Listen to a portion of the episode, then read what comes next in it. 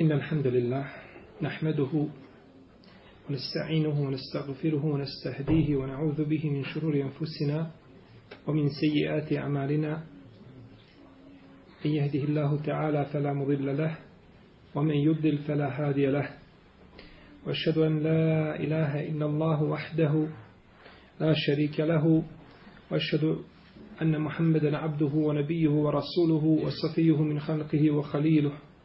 أدى الأمانة وبلغ الرسالة ونصح للأمة وكشف الله تعالى به الغمة وجاهد في الله حق جهاده حتى يتاه اليقين. رب اشرح لي صدري ويسر لي أمري واحلل عقدة من لساني يفقه قولي ثم أما بعد. Došli smo do petog i šestog hadisa ujedno u poglavlju namaza u džematu u kome autor kaže An Abdullah ibn Umara radijallahu anhuma قال صليت مع رسول الله صلى الله عليه وسلم ركعتين قبل الظهر ركعتين بعد الظهر وركعتين بعد الجمعة وركعتين بعد المغرب وركعتين بعد العشاء وفي لفظ فأما المغرب والعشاء والجمعة ففي بيته وفي لفظ أن ابن عمر قال حدثتني حفصة أن النبي صلى الله عليه وسلم كان يصلي سجدتين خفيفتين بعد ما يطلع الش بعد ما يطلع الفجر. وكانت ساعة لا أدخل على النبي صلى الله عليه وسلم فيها. Od Abdullaha ibn Omara radijallahu anhuma se prenosi da je klanjao sam sa poslanikom sallallahu alaihi vseleme dva rekiata prije podne namaza i dva rekiata poslije podne namaza i dva rekiata poslije džume i dva rekiata poslije akšama i dva rekiata poslije jacije. U drugoj verziji se kaže što se tiče akšama i jacije i džume, to je klanjao u kući. To je klanjao u kući. I u trećoj verziji kaže Abdullah ibn Omar radijallahu anhuma pričala mi je Hafsa, njegova sestra, da je poslanik sallallahu sallam je klanjao dvije kratke seđde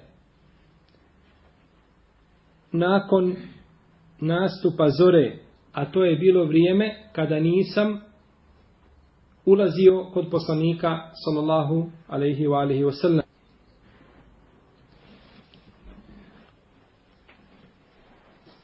Abdullah ibn Omar, ashab poslanika sallallahu alaihi wa sallame, o čijim fadilatima smo govorili u poglavlju istitabeta.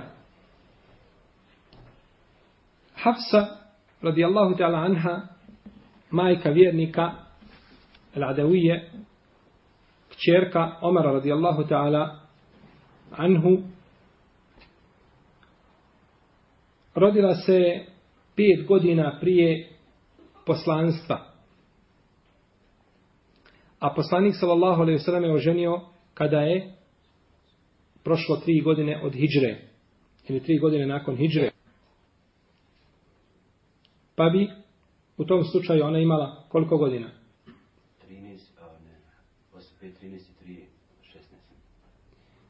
Imala bi tri, koliko, pet godina prije poslanstva i poslanstvo u Mekiji bilo 13 godina, to je 18 i tri posle hidžre, to je 20 godina, 21 godinu je imala otprilike kada se udala za poslanika sallallahu alaihi wasallame. U drugoj predaj se kaže da je dvije godine nakon hijđe, u tom slučaju imala 20 godina. Prenosi 60 hadisa od poslanika sallallahu alaihi wasallame, tri su kod Buharije i kod muslima i šest hadisa prenosi Buharija koje ne prenosi ima muslim. I zbog nje je objavljen ajet in tetuba in Allahi fekad sagat kulubukuma u suri Tahrim, ajet u kome uzvišenje Allah kaže, a ako se vas dvije pokajete, pa uistinu ste učinili ono zbog čega se trebate pokajati, to je objavljeno zbog Hafse i Ajše, da se Allah smuje, e, svim e, majkama vjernika, ženama poslanika sallallahu alejhi ve selleme, pa ih je uzvišeni Allah šanu e, ukorio jeli, u ovome ajetu zbog određenih postupaka da se Allah smjenuje njima i svim ashabima. Iz ove predaje, kaže Ibn Omar, klanjao sam sa poslanikom, sallallahu alaihi wasallame. Može se razumjeti da je klanjao sa njim u džematu, a može se razumjeti da je klanjao poslanik, sa alaihi i on klanjao pored njega. Klanjali isti namaz, ali nisu klanjali šta? U džematu. To je ovo ma, sa, može znači se odnositi i na jedno, i na, i na drugo. Naročito, ako znamo da je da na file upotpunjuju farzove, onda po mišljenju neke uleme kažu da se mogu i te na file klanjati isto tako u džematu. I došao u hadisu koga bilježi Ebu Davud od Tenima Darija i bilježi ga vam Nesaj od Ebu Horeire radijallahu anhu, da je poslanik sallallahu alaihi sallam rekao Evolu ma yuhasebu bihil abdu jevme l'qiyameti salah. Prvo zašto će čovjek biti pitan na sudnjem danu je namaz. Fe im kjane etemmeha kutibet tamme. Pa ako je klanjao sve namaze, potpunosti, bit će mu upisani svi namazi, potpunosti. Wa in lam yakun etemmeha, kala Allahu ta'ala lil melaike. A ako mu budu krnjavi, ne bude ih upotpunio siju, kazat će uzvišeni Allah te barake o ta'ala svojim melekima, unzuru hel teđidune li abdi min tetav'in tukmilune bihi faridata. Pogledajte u dobrovolje namaze moga roba, možete li šta naći pa da mu potpunite njegove farzove. I koja je to milost od Allaha te barake o teala da nama upotpuni, jer braćo, ne može sunnet zamijeniti farz. Sunnet nije propisan i tvoj nijet kada si nijetio sunnet, šta si nijetio? sunnet. A uzvišeni Allah kaže svakome pripada ono što u stvari poslanik sa osam u hadisu Omar radijallahu anhu wa innama li kulli imri maneva svakom čovjeku pripada ono što je na nijetio. No, međutim, pored toga, kada dođe ona sudnji dan i kada nam bude bilo najpotrebnije uzvišeni Allah će naše nijete koji su bili za sunnete, to će nam pretvoriti u farzove. Pa će nam tako upotpuniti Znači, pa je ovdje bitno koliko nas farzova prođe tek tako. Klanjamo ih, možda nekad djeca galame, možda smo mi nekad neskrušeni, možda imamo svojih problema i obaveza i tako dalje, pa je čovjek zaposlen u namazu nečim drugim. No, međutim, kada klanja sunnete, onda je to put, inša Allah, da upotpuni ono što je a, ostavio od farzova, jer prvo zašto će čovjek pitan ovdje se kaže u hadisu je namaz, a ako namaz nije ispravan, nakon toga čovjek nema šta tražiti i očekivati. Nema drugog dijela koje će mu biti ispravno, jer je namaz stup svih dijela i on sudi a, čovjekovim znači, dijelima. Stoga je neka ulema voljela da se prije namaza i kažu da je u osnovi razlog zbog čega se na file klanjaju prije namaza i zašto je poslanik sallallahu alejhi ve rekao prije svakog namaza su dva rekiata ili između svakog ezana i kameta imaju dva rekiata. Kažu to su dva rekiata da se pripremiš za farz. Jer ti si bio na polju, radio, dunjaluk te obuzeo. I došao si u džamiju da odmah ne bi ušao u farz dok se ti skoncentrišeš, eto salama. Nego da uđeš i da se pripremiš sa ta dva rekiata, za šta? Za taj namaz. Pa zato bi došlo u vjerodostroju predaj da bi poslanik sallallahu alaihi selleme prije noćnog namaza klanjao klanjao bi dva kratka rekiata da se pripremi zašto za noćni namaz koji je bio i kako dug da bi klanjao sura Al-Bekare, pa sura Al-Imran, pa otišao na sura Al-Majde, pa se vratio na sura Al-Nisa. Pa bi toliko ostao na ruku, pa kada, kada bi se digao sa rukua, toliko bi ostao koliko je bio na ruku. Pa kada otišao na seždu, isto bi toliko ostao. Pa kada bi se vratio između dvije sežde, isto bi toliko ostao. Znači namaz poslanika, sallallahu alejhi u ovome obliku je trajao možda nekih 24, ako nije 30 naših sati. Uzmite, učite sure ove proučite a, sedam džuzeva Kur'ana, vidite koliko vam treba za sedam džuzeva da se polako uči sa razmišljanjem, kako učio poslanik sallallahu alejhi ve selleme, vidite da to ne možete nikako učiti prije četiri ili pet sati. I uzmite 4 po 5 sati, pomnožite, Allah zna, ode taj namaz i na puno više nego što traje naš dan. No, međutim, to je bio bereket u vremenu u kome je živio poslanik, sallallahu alejhi ve alihi ve sellem. Zašto je autor spomenuo ovaj hadis u poglavlju namaza u džematu? Kad on jasno ne ukazuje na šta? Na namazu džematu. Nego kaže, klanjao sam sa poslanikom, sallallahu alaihi selleme dva rekata prije podne, dva rekata poslije podne. Znači, ne govori se, klanjali smo, ne spominje se džemat. Ali zbog te mogućnosti da je to moglo biti džematski, spomenuo autor ovaj hadis. I zbog druge stvari, a to je dok je Ibn Omer klanjao sa poslanikom sa Lasrame dva rekata prije podne. Bilo u džematu ili pojedinačno, nije bitno. Šta je bilo sa farzom? Jesu ga klanjali skupa ili nisu? Svakako. Znači svakako se nakon toga klanjali farz. Ili klanjao sam poslije džume sa poslanikom sa Lasrame. Šta se radio prije džume? Ili za vrijeme džume. Klanjao se džumu sa poslanikom sallallahu alaihi selleme, pa je zbog toga autor uvrstio znači ovaj hadis u poglavlje, u poglavlje a, hadisa koji govori o namazu o džematu, da ne bi neko pomislio zbog čega je autor spomenuo. Jer svaki hadis koji je uvršten u dotično poglavlje mora imati, znači, mora imati a, svoj razlog zbog koga je stavljen u to poglavlje. Zato kada je neka ulema pravila a, naslove poglavlja o muslimom sahihu. Ima muslim je napisao svoj sahih bez poglavlja. Nije pravio poglavlje kao Buharija. Pogledajte Buharijin sahih kada čitate imate poglavlje, to i to. Poglavlje obaveza učenja fatihe na putu i u mjestu boravka. Bilo da je čovjek imam ili muktedija. Bilo na noćnim i na dnevnim, na dnevnim namazima. Tako je naslovio jedno poglavlje. Drugo poglavlje kaže babu u džubi salatil džema. Poglavlje obaveze namaza u džematu. Imam Buharija je naslovljao poglavlja. Imam muslim je redao hadise, ali nije naslovio poglavlja. I kada su došli neki učeni, učenjaci, poput imama Neovija, koji je naslovljavao poglavlja u muslimom sahiju, sahiju, htio je to da podijeli pa da stavi svakoj skupine hadisa šta? Poglavlje. No, međutim, naći ćete u mnogo poglavlja da je hadis došao u to poglavlje, a nikakve veze nema sa njim. Ne možeš ga ni ovim, ni ovim putem povezati šta? Sa hadisima koji su u poglavlju. Zato što ima muslim pisao, braćo hadis, i htio je tim pisanjem nešto. Šta je htio, Allah zna. Ali mu, a nije namjerno, nije htio staviti šta? Poglavlja. I zato bi, najdrže nam bilo kada bi se muslimov sahih štampo bez poglavlja. Kako je htio autor, neka onako bude. Ibn Hibban je napisao svoj sahih.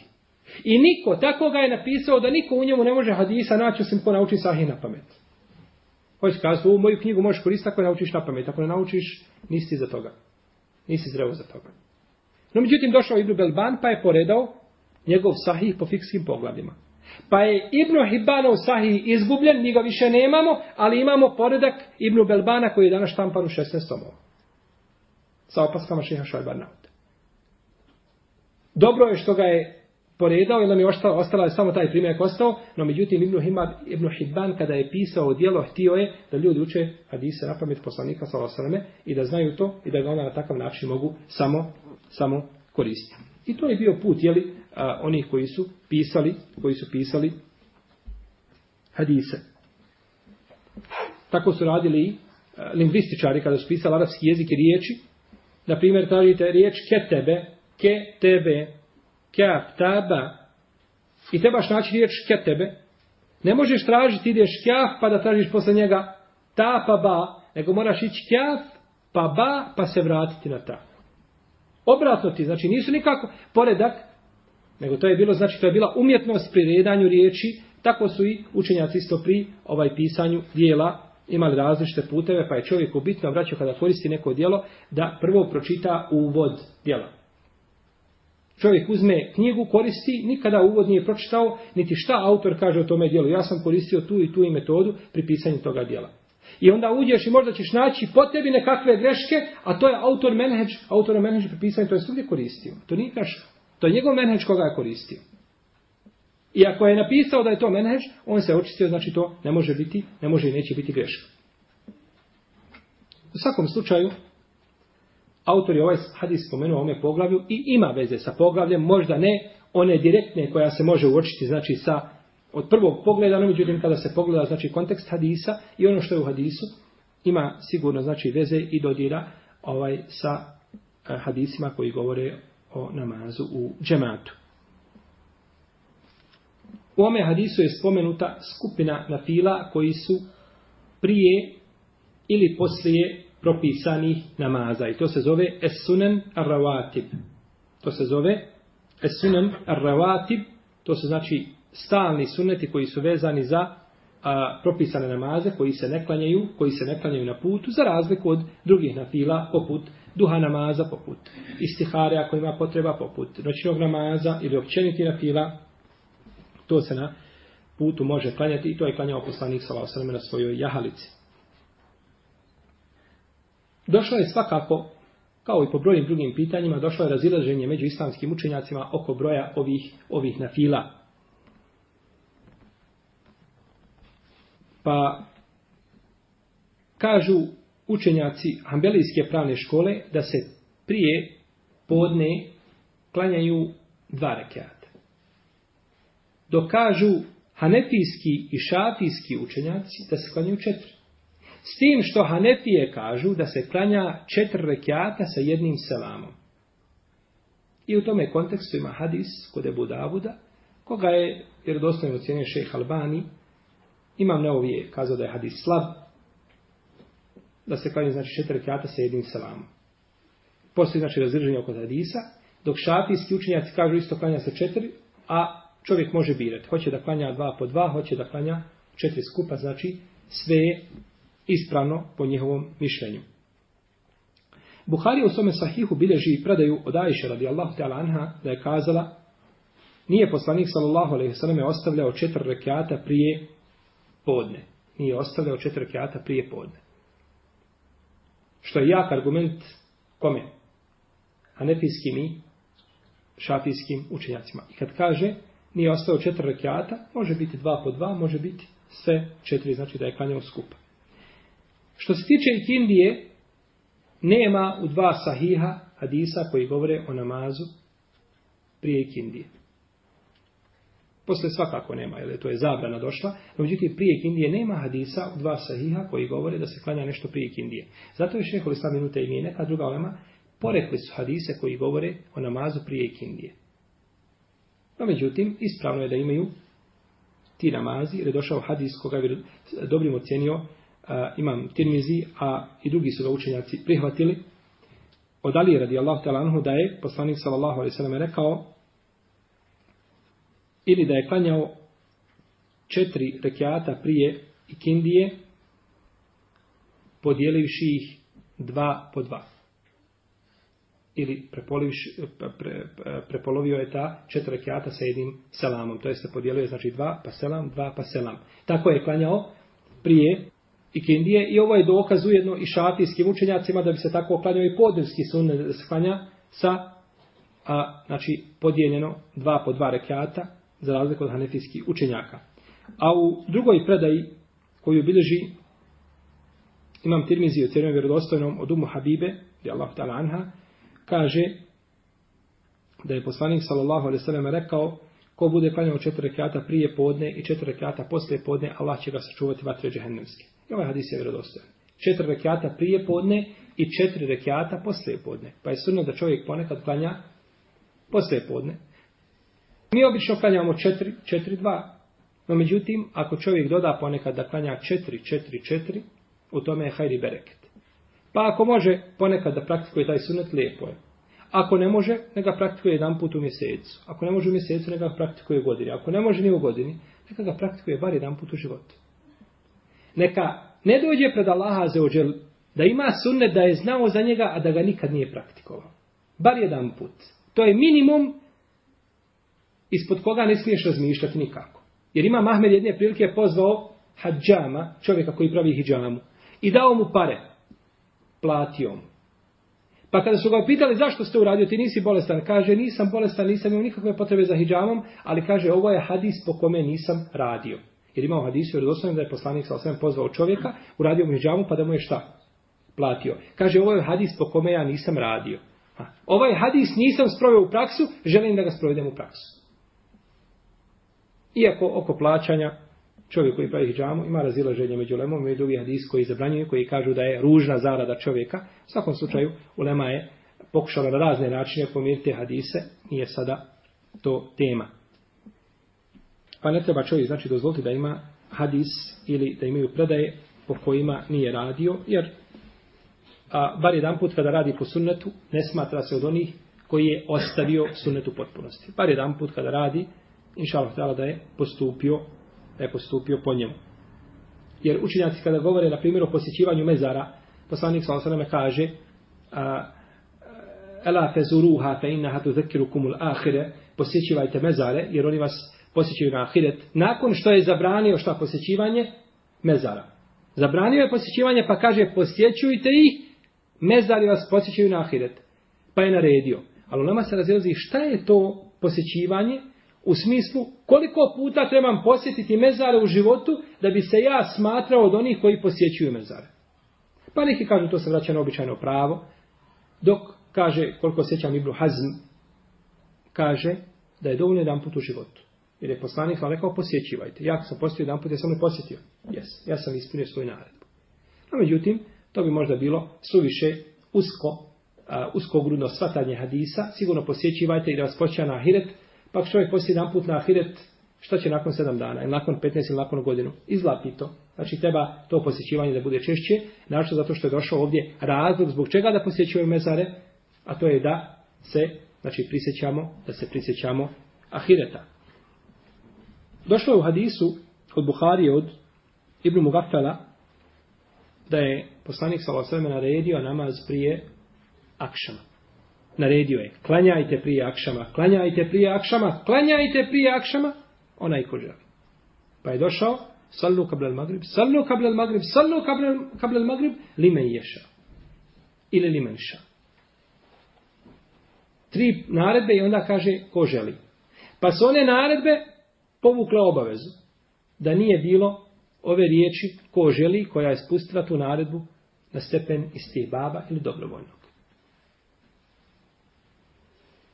Pa je prvi dio hadisa vađib, a drugi ukazuje da je to sunnet. Znači da nije obaveza. Tako da je greška kod oni koji ne klanjaju prije akšama. Tačno ima po mezhebima, poput hanefijskog, nema namaza prije akšama. No međutim, nalazimo na hadise, koji vjerujemo da su došli do Ebu Hanife ili da ih je smatrao vjerodostojnim, da bi radio sigurno po njima. Jer Ebu Hanife bio prvi čovjek koji je sledio sunet poslanika sallallahu alaihi wa sallam, pa ako hadisu nisu došli do Ebu Hanife, to ne znači da ako dođu do tebe da ne trebaš raditi po njima i što nimalo ne umanjuje vrijednost Ebu Hanife, jer sam Ebu Hanife govorio i da sahal hadisu fehuve medhebi. Ako se poistovjeti autentičnost određenog hadisa, to je moj mezheb, to je moja vjera, uzimaj to. Tako da, znači klanjati prije akšama je pohvalno, i Enes radijallahu ta'ala noj govorio, a, tražili smo stubove po džami i klanjali prije akšama. I klanjali prije prije akšama. Pa je lijepo da se klanja prije akšama dva rekiata. Izbog hadisa svakako između svaka dva ezana ima namaz. Između svaka dva ezana misli se između ezana i i kameta. Jeste. Jer je kamet nazvan ezanom. Kao što je a, kažemo dva ezana misli se na ezan i kamet. Kada kažemo a, el kamerejni dva mjeseca mislimo na sunce i mjesec. Kada kažemo el omerejni, dva omara mislimo na Ebu Bekra i Omara. Kada kažemo el esvedani dvije crne stvari mislimo na vodu i datule. Ali voda nije crna. Voda je bezbojna. No međutim, to je jedna stvar koja ide uz drugu. Kad se spomene voda kod Arapa, uvijek spominju datule. To, se, to je kod njih bila osnovna hrana. Voda i datule. Kad spomenemo sunce, spomenemo mjesec, je li tako? Podat hadisa, šta je spomenuje se sunce i mjesec. A, a, o pomračenju, o bilo čemu, znači spominje sunce i mjesec. Kada se spominje Ebu Bekr, uvijek spominje Omar. A kad spominje Omar, spominje se Ebu Bekr. Došao je Ebu Bekr i Omar kod poslanika. Izišao je poslanik sa, sa Ebu Bekrom i Omarom. Vratili su se iz daleka Ebu Bekr, Omar sa poslanikom sallallahu alejhi ve sellem. Tako se uvijek spominju. Pa zbog te veze, znači oni su znači spomenuti u jednom u jednom kontekstu. Pa se tako ovdje kaže dva ezana, misli se na ezan i kamet, da ne bi, jer neko je ovaj braćo hadis uzeo i kaže, vidite, ovaj jasan dokaz da se klanja sunnet džume Zato što je rekao poslanik sa klanjate između dva šta? Ezana. Znači kad prouči prvi ezan, ustaneš, klanjaš dva rekiata sunneta i onda sjedneš.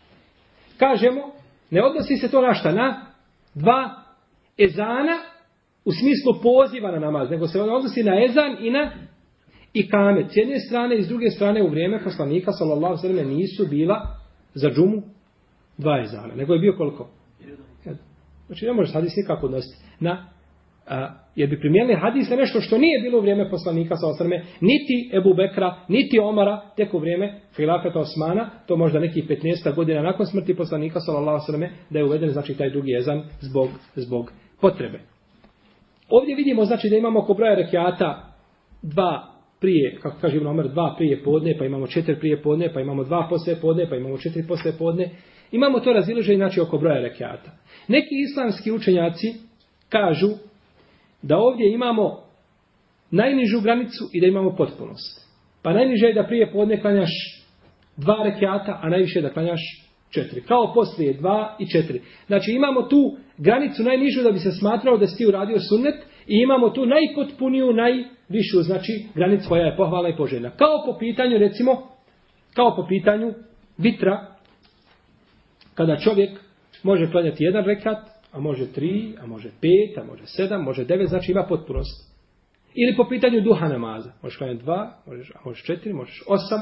Znači imamo najnižu granicu, imamo tu potpunost, pa je poslanik sa osam vjerojatno pokazao, znači i ovo, i ovo, da je to sve sastavni, znači dio vjere. A što se tiče ovaj broja rekiata namaza, a, i e, sunneta, jel, o tome smo opširno govorili u knjizu namazu, nećemo to ponavljati, znači sa argumentima i dokazima, ko želi može pogledati, znači u knjizu namazu, može to pogledati, također o džumi smo govorili podrobno, da li ima prije džume sunnet ili nemaju, o tome smo govorili podrobno u knjizi o džumi, pa ko e, želi više neka, znači pogleda argumente u Leme, koji su govorili, znači i dokazivali a, da nema sunneta, recimo prije džume, džume, i da, e, džume namaza i da su to, i da su to pobijali. U ome hadisu je dokaz da se na fila može obavljati u kući i u mesečinu. Je tako? Jer navodi se da je a, Ibn Omer klanjao neke namaze sa poslanikom sa osamem u džami, a neke klanjao je šta? Kaže što se tiče akšama i jacije i džume fefi bejtihi u njegovoj kući. Što znači da je druge klanjao mimo kuće, a znači da je klanjao to mimo kuće i što je, kaže Hafsa klanjao je poslanik sa prije sabaha dva kratka rekiata. A Ibn Omar ga nije vidio, nego je klanjao znači u svojoj kući. Pa kaže to je bilo znači vrijeme kada nisam jeli, ulazio poslaniku sallallahu sallam. Mezheb imama Šafije i Nehaija, Ibrahima Nehaija, po pitanju namaza, da li su bolji da file namazi u kući ili su bolji u džamiji. Gdje su bolji? Kaže imam šafija, to imamo tri mišljenja. Imam šafija, kaže i nehaji, i drugi da je bolje klanjati u kući zbog riječi poslanika sallallahu alaihi wa sallam u vjerodostanom hadisu. Eftalu salatil mar'i fi bejtihi illa al mektube. Najbolji namaz čovjeka je u njegovoj kući osim propisanih namaza. Samo su propisani namazi bolji u džami. I to su opravdali time da ne bi došlo do miješanja sunneta i farzova. Jer kada čovjek klanja samo farz u džami, pa se vrati kući svojoj, pa klanja sunnete, znači na, to ima jasna granica i paravan između a, propisanog i dobrovog namaza. I isto tako kažu da ne bi kuća ostala bez namaza, da ne bi bila kabur. Da ne bi bila kabur, znači da ne bude bez namaza. Lijepo čovjek da klanja u kući svojoj, isto tako da ga djeca vide u kući da klanja, da ga žena vidi da klanja, namaze, jer to njih postiče na namaze, i ovaj namaz čovjeka u njegovoj kući, sunnet, kako je došlo u vjerodostojnom hadisu, koga je ispravljeno srednjo šeha Albani u svom djelu sahihul džamije, da je bolji namaz čovjeka u njegovoj kući, a gdje ga ljudi ne vide, dobro li namaz, je bolji nego tamo gdje ga vide za 25 deređa. Tačno onoliko koliko je bolji farz namaz u džami nego kod kuće. Pa je s te strane bolje, ko može da klanja kod kuće, a ko klanja u džami ne smeta. No međutim, kada ima, kada čovjek ima na umu da je 25 ređa, ne mili mu se više u džami i ustati klanjati sunnete. Ali s tim ko zna da će kod kuće šta? klanjati. Međutim, ako čovjek zna da je umoran, radio puno, dođe kući, dok dođe kući ili je večera ili su nekakve kućne obaveze, onda je bolje čovjek da je klanja u džami. Znači da je ne bi ostavio. Pa ne treba osuđivati onoga kako klanja u džami. Bože, sačuvaj, to je ispravan postupak. I vidimo da je to i poslanik sa osam činio, no međutim, ovaj, to je radi dozvole, a u protivnom bolje je namaze klanjati dobrovoljne u kući. Po mišljenju mama Šafije i Nehaja i na to ukazuje prethodno citirani hadis, znači jasno ukazuje da je to bolje činiti u kući nego u džamiji. Imamo drugo mišljenje koje spominje Kadi ja od skupine učenjaka da je bolje to raditi u džami nakon što se završi farz. I imamo treće mišljenje koje je mišljenje imama Malika i Seurija kako spominje Kali Jab koji kaže njih dvojica kažu da se namazi koji su dnevni, oni će se klanjati u džamiji, a koji su noćni, klanjaju se u kući. Znači imaju to podijeljeno. I to dokazuje hadisom prethodnim. Ibn Omar kaže, a što se tiče jacije, akšama, jacije i džume u kući. No međutim, ovo dokazivanje je problematično. Jer je spomenuta džuma, a džuma nije šta? Nije noćni namaz. Iako se uči na glas, ona je dnevni, džuma je dnevni namaz, kao Bajram. Pa bi s te strane bilo sporno dokazivati s ovim hadisom. Znači, hadis je dokaz protiv mišljenja imama Malika. Uglavnom, oni su je koristili to kao, kao dokaz. Što se tiče e, namaza, klanja namaza u, jeli, u kući, dobro je namaza u kući, o tome smo opširno isto govorili o knjizu postu. Znači imamo tamo pitanje na fila, pa smo govorili opširno, znači sa brojne hadise smo spominjali tamo, znači koji govore o e, vrijednosti e, namaza u kući i da je namaz čovjeka u kući bolji nego u džamiji, osim dobrovoljnih i u tome ima E, smislu skupine hadisa, pa ko želi neka se vrati, neka ih pročita da ih ponovo, znači ovdje ne ponavljamo ono što smo već jedan put, već jedan put govorili. Možda nekome, ka, možda će neko kazati, pa zašto spominjemo, vratimo se tu, moramo braći jedan put naučiti, isto tako da nešto sami učimo i da tražimo. Jer ako čovjek samo nauči slušati, jer slušanje, slušanje čovjek ne može zapamtiti od slušanja. Slušanje je samo da se dadnu smjernice i da vidiš kako se razumijevaju i kako se e, argum, sa argumentima barata ili kako se postavljaju na njihova mjesta i tako dalje. A nakon toga učenje biva čovjeku, znači da ponavlja. I koliko se stvari čuli u svom životu, da ste to sve zapamtili, mogli biste ići ovaj, biti profesori negdje na univerzitetima predavati. Od onoga može što ste čuli od znanja, sa različitih strana, ali dok čovjek ne pročita i dok ne podvuče i dok to ne ponoviš pet puta, nema ništa znanja. Zato je ulema, imali su nešto zove, ovaj, muzakera, ponavljanje znanja. Spominju njih dvojica sjede i ovaj spominje deset hadisa, ovaj deset, ovaj deset, ovaj deset. I tako danas imamo učenje Kur'ana. Jedan uči hizb, drugi uči hizb. Jedan uči stranicu, drugi uči stranicu. I tako džuz. I tako pređu, znači Kur'an, pa se vrate nazad, pa uzimaju onda druge, zamijene se za stranice. Pa jedan uči, uči drugi. Imamo, imamo ajet. Sa djetetom, kada pođeš u džamiju, znaš sur, uči ajet, ti prouči ajet. Amme je te sa. On, pono, on uči drugi ajet, ti učiš treći, on četvrti, tako proučite suru do džamije. Kada se vraćate, okrenite ti ajet, on ajet. To je podsjećanje, znači na, i kada, kada čovjek ima nekoga koga podsjeća, onda lakše šta? Lakše uči ili sa nekim da da uči, možda ima više, možda ima više volje. Zato kažemo, pogledajte, čitajte, znači tamo koga zanima više o temi o kojoj smo pisali. Hafsa, radijallahu ta'ala anha, kaže ome hadisu da je poslanik, sallallahu sallame, klanjao dvije sežde.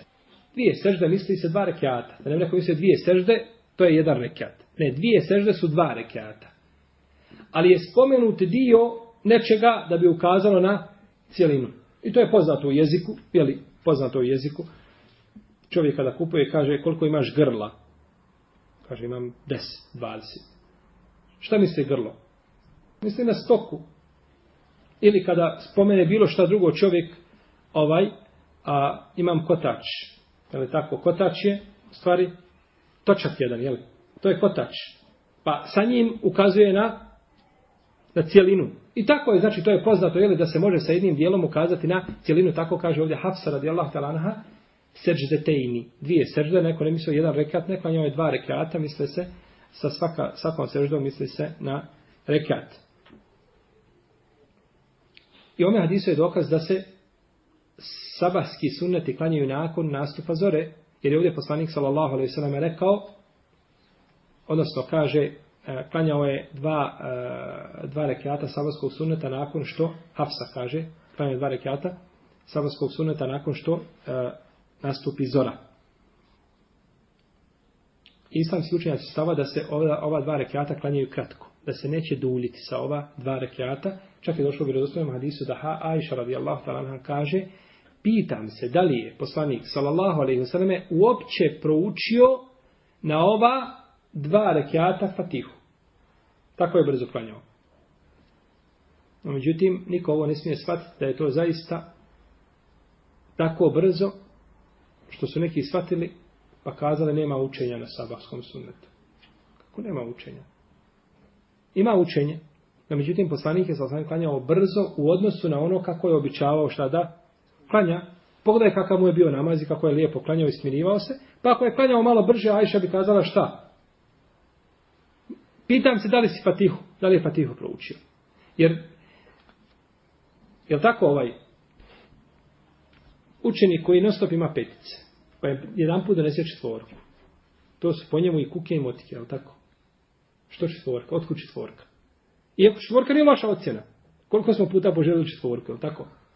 No međutim, a ako si navikao na određenu stvar i kada vidiš suprotno tome, odmah to umanjivaš i spustaš možda na stepen koji mu ne pripada. Pa kaže Ajša, nisam vidjela da išta brže klanjao, pitan se da li je Fatihu proučio. Ne znači, znači da je klanjao, da je to bilo samo da je poslanik sklepetao namaz. Bože, sačuvaj. Poslanik je sa svemu potpunjavao namaz i kazao je da ne vredi namaz koji nije upotpunjen i kazao je u dostojnom hadisu da, ne, da, da, da je Fatiha, znači ovaj obaveza da se uči, da se uči na rekiatima i da je kazao ne vrijedi namaz da neko ne prouči majku knjige, a to je Fatiha. I sad da uči bez Fatihe, to je, to je znači to bi bila očita kontradiktornost. Učio je, no međutim učio je kraće. Tako da nije na sabaskom sunetu nije lijepo duljiti. Da čovjek uže ne, uzme neku dulju, suru koja ima stranicu ili dvije da uči, ne. Nego se uči znači nešto kratko, jer je poslanik sallallahu alaihi sallame na ova dva rekiata učio kul ja i kafirun i učio je suru kul huvallahu ahad a navodi se u hadisu koga bilježi Ebu Davud i muslim u svome sahihu da je poslanik s.a.v. učio kulu amenna billahi i učio isto tako kul ja ehlel kitab ta'alev znači iz, iz Ali Imran učio je to na sabaskom sunnetu. Imam Gazalija kaže u svome dijelu Wasailul Hajat da je poslanik sa osrame učio i da je lijepo, da kaže u stvari da je lijepo da se uči na sabahskom sunnetu elem nešrah leke sadrek i da je lijepo da se uči Adam tara kejfe fe'ala rabbuk.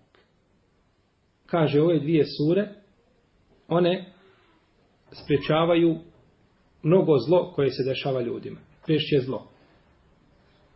I u ome smislu navodi Ebu El Abbas El-Ghafiqi navodi hadis od poslanika sallallahu alejhi međutim ne znamo da taj hadis ima osnovu i da ga je ulema spominjala igdje u knjigama i da je taj hadis, ne vjerujemo da je taj hadis potvrđen od poslanika sallallahu alejhi wa alaihi wasallame.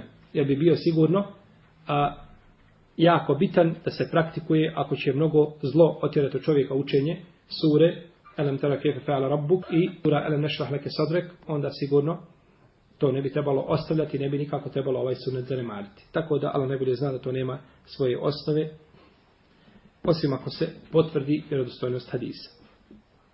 Što se tiče imama Malika i većine sljedbenika njegove pravne škole, oni su zauzeli kakav srednji stav, pa kažu uči se samo Fatiha. Ako je Ajša smatrala ili sumnjala da li je poslanik sa uopće proučio Fatihu, A imamo dokaz da se Fatiha mora učiti, onda kažu šta uči se samo Fatiha. I to bi bilo neko srednje mišljenje koje odobro imam Malik, no međutim ova sredina opet nije ispravna. Jer imamo hadis da je učio poslanik Salosrme, kulu amenna billah i da je učio kul ja ehlel kitab ta'alau ila kelimetin sevain bejnena u bejnekum, jeli do kraja ajeta. Pa imamo, znači dokaz da je učio suru kul ja ehlel kafirun i da je učio kul huvallahu ehad, pa ne može znači biti mišljenje mama Malika, ne može biti snaga i ne može ovaj uh, izmijeniti hadise poslanika sa osanem ili sunnet koji je potvrđen od vjerovjesnika ali i salatu. No međutim, ko bi proučio samo Fatihu, njegov namaz je šta? Ispravan, jer učenje mimo Fatihe je sunnet na farzovima, a da ne govorimo znači na, na dobrovoljnim namazima. Kaže Abdullah ibn Omar, i to je bio sat u kome nisam ulazio kod poslanika sa osrame. Kada se kaže sat u arapskom jeziku, ne misli se sat 60 minuta. Kod nje nije bilo ove mjerne jedinice, nego je sat, vremenski period, koliki Allahu alem, to je kod nje bilo ovaj sat vremena ćemo sjediti, razgovarati, koliko je sat, to je bila mjerna jedinica kod njih, koja je znači označavala određeni vremenski period. Ko dođe u prvom satu na džumu ima to, ko dođe u drugom to, ko dođe u trećem to, ko dođe u četvrtom kao da je prinio to. I na kraju čovjek dok ne dođe do jajeta, kao da je prinio jaje. Koliki je sat? Ako je džuma u 12, hoćemo mi početi od 7 brojati, nije bilo, znači kod njih, ovaj tih mjernih jedinica kao kod nas sat od 60 minuta, nego što više čovjek porani, to je, to je bolje i to je preče. Vidimo da je ovdje Hafsa radijallahu ta'ala anha prenijela od poslanika sallallahu alejhi ve selleme sunnete do koji ljudi nisu mogli doći. Kao što je činila Ajša i druge žene, druge majke vjernika, ono što je bilo u kući poslanika sallallahu alaihi što se dešavalo, da su to prenosile znači, ummetu. I ome hadiso je dokaz da, znači, ili ono što uzme hadijski stručnjaci, a, rivajet brata od sestre. Rivajet kada brat prenosio sestre i kada sestra prenosio od brata. Ibn Omer je prenosio tafse koja mu je bila sestra, I, znači, rivajet vrijedi kako od muškarca, tako od žene, ako je povjedljiva. I u tome nema razilaženja među islamskim učenjacima. S tim što kaže imam Zehebi da nikada, nikada, kaže, u istoriji islama nije potvrđeno da je žena slagala na poslanika, sallallahu alaihi sallam. Nema, znači, žene ravije koja je lažo. Ima koja je imala slabo pamćenje. Je li slabo pamćenje, je, je, to je mahana za, za šta? Za hadis ili za raviju? Za hadis ili za raviju? Za hadis. Kako raviju? Allah mene iskušao da imam slabo pamćenje. Je to mahana? Za mene? Može neko ljudi vikati a, i da mi, da mi prigovara kako imam slabo pamćenje? Allah me iskušao. To je mahana za hadis. Hadis se ne može primiti. Ali ako je čovjek lažov, je to mahana za hadis ili je za raviju? I za jedno i za drugo, svakako. Ali hoćemo kazi za raviju. Jer on laže svjesno na poslanika sa ostaneme i ne mora lagati, a laga nije s tim isto može ostaviti. I zna da mu je pripremljeno mjesto u džahennemu ako laže na poslanika sallallahu alaihi wasallam, pa je to mahana za raviju. A ako ima slabo pamćenje, onda je to mahana za hadis, a ne možemo time prigovarati tome. Pravi. E, to je. Žena, znači, nikada u istoriji islama nije slagala na poslanika, sallallahu alaihi selleme i to je odlika žena nad muškarcima mogu se ponositi da kažu među vama ima stotine hiljada lažova koji su lagali u vašem polu na našeg poslanika, a među nama nema ni jedne jedine. Jeste, to je navodio imam Zehebi. Dakle, i u hadisu isto tako dokaz da se uzima znanje znači i od žene ako je učena. Aisha radijallahu talana je poučavala mnoge ashabe. Govorila, pričala. Kada je došao umu Seleme kod Aisha radijallahu talana, Pa je kaže, bio u džami, slušao sahabe koji su pričali kada se treba čovjek gusuliti, kada ne treba. A on je bio mali dječačić, pa je došao kod Ajše i pokucao na vrata, kaže, majko vjernika, reci mi, kaže, kada se to čovjek treba kupati, kada... Pa mu kaže, slušaj, znaš li, kaže, kakav je tvoj primjer? Tvoj primjer, kaže, i oti koji sjede u džami i pričaju, kaže, kao primjer uh, onih pjetlova i pileta. Pa pile čulo kako pjetlovi kukuriču, a ništa ne zna o tome. Pa si došao i ti pokušavaš kukurikate, ne znaš. Ti si dječačić mali, Šta ti imaš pitati o kupanju i gusulu u dženabetu? Nije to za tebe. No međutim kaže, ja ću ti odgovoriti. Nije mu sakrila propis. U je bilježi vam Bejhefi u svome sunanu. Nije mu sakrila propis. Pa kaže, i da džavo zel hitanu l hitan, kakad vođe bel gusul. Kada se dodirnu dva stidna mjesta na način kako smo to objašnjavali ranije, obavezno je kupanje obavezno je Pa mu je odgovorila, ali mu je kazala da ti o tome da ništa ne zna. Pa je Ajša radi Allah tana poučavala sahabe i neki sučenjaci sakuplja, sakupili dijelo posebno u kome su odgovori Ajše drugima sahabima radi Allah tana. Gdje su pogriješili, ona bi im odgovarala. Kao Abdullah ibn Amr ibn Asu kada je rekao, žena kada se kupa, a, od dženabeta mora da splete svoju kosu. Kaže su, Allah se smilo Abdullah ibn Amru. Ja sam se kupala sa poslanikom sa osrame od dženabeta i nisam raspletala kosu. Pa mu je šta? Pa mu je odgovorila. Jer je znači mnoge stvari od intime poznavala i kroz istoriju smo imali, znači, žene koje su bile učene svakako, iako je njihov broj u odnosu na muškarce, neće reći zanemariv, ali jeste mali. Jeste, ma, jeste minimalan. Imali smo skoro, u Libiji smo imali prije možda stoljeće ili dva smo imali ženu koja je znala šest hadijskih zbirki sa lancima prenosilaca. Šest hadijskih zbirki na pamet sa lancima prenosilaca. Pa to što znači neke odlike koje su bile u ome umetu i toga hajra i toga bereketa ima inša Allah uvijek jer ovo je umet koji je odlikovan na drugim umetima. U ome hadisu isto tako dokaz da se prihvata jedan haber ili hadis koji je došao ahad pojedinačnim putevima, sam hadis nije došao, nije, nema puno puteva, niti je mutevatir. Sam došao hadis, tu se prihvataju znači propisi, jer vidimo znači da je Ibn Omar prihvatio da Hafse ono što je kazala, što je radio poslanik sallallahu alaihi sallam u svojoj kući i odbijanje hadisa koji nisu mutevatir je mezheb novotara. Je mezheb novotara. Znači da se odbijaju svi hadisi, naročito u akidi. Kažu u akidi mi ne primamo hadise osim koji su mutevatir. Kažemo, a koliko ima hadisa koji su mutevatir? Kada bi se slomili, ne možete naći više možda od 10, 20, 50, stotinu hadisa mutevatir manevi. Simbolični mutevatir, ne onaj koji je došao, znači, jednom riječju koji je jeli, od svih ravija na isti način prenesen. Pa gdje nam je onda akajd i gdje nam je onda vjerovanje? Ja sam to jednom profesor jedan pričao o akajdu i tako rekao, rekao, profesore, onda mi, onda mi možemo pola naše akide ili jednu četvrtinu naše akide možemo spakovati jer je došla u hadisima koji su ahad. Kaže, tako je, ali šta ću ja? Tako je, znači gubimo jednu četvrtinu akajde, ali šta ću ja? Ništa. Spakuj svoju, svoje džube i svoju mamu i gubi se da ljudi se utarišu tebe i tvoga zla koga širiš među ljudima. I ne znam da je ikada napisana ni jedna knjiga u kojoj su knjiga Akajda u kojoj su samo hadisi koji su mutevatir. Znači ne znam da ima ta knjiga. Pa kako onda kazati da se prihvataju samo mutevatir predaje, sve što je kazao poslanik sa osvijem, to je istina. I kada je poslao ashabe da pozivaju ljude u različitim mjestima, poslao jednog ili dvojicu, to opet nije mutevatir.